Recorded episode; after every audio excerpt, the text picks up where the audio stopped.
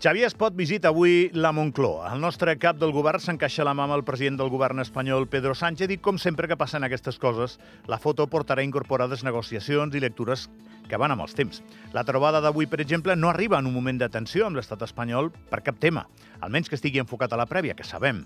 I no sempre ha estat així. En episodis anteriors, com diuen a les sèries de les plataformes, hem vist com el nostre cap del govern, el de, el de cada moment, visitava la Moncloa per apuntalar acords o situacions a les que a nosaltres ens tocava fer alguns deures. I si teniu al cap el contraban o el secret bancari, encerteu.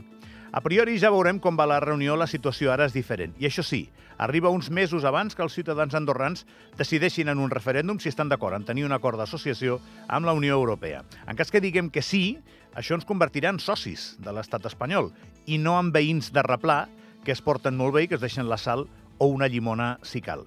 Amb un soci contraus obligacions i ell també respecte a tu.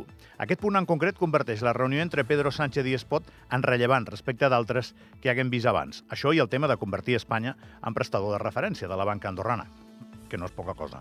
I també cal dir, vagi com vagi el tema del referèndum amb Europa, que en dies així no és gens dolent mirar endarrere i comprovar tot el que ha fet Andorra els darrers 20 anys per posar els rellotges en hora respecte a la comunitat internacional. Sé que sempre hi haurà nostàlgics d'allò de fer l'Andorrà, però els que ho veuen així acostumen a ser gent amb la vida solucionada. Aleshores i ara. Allò de dissimular sempre i esperar que se n'adonin per mantenir la nostra prosperitat ja fa dies que és el passat, no és el futur. I per sort tampoc el present. El futur és fer bé les coses i competir amb la resta del món, que ho està intentant al mateix temps que tu.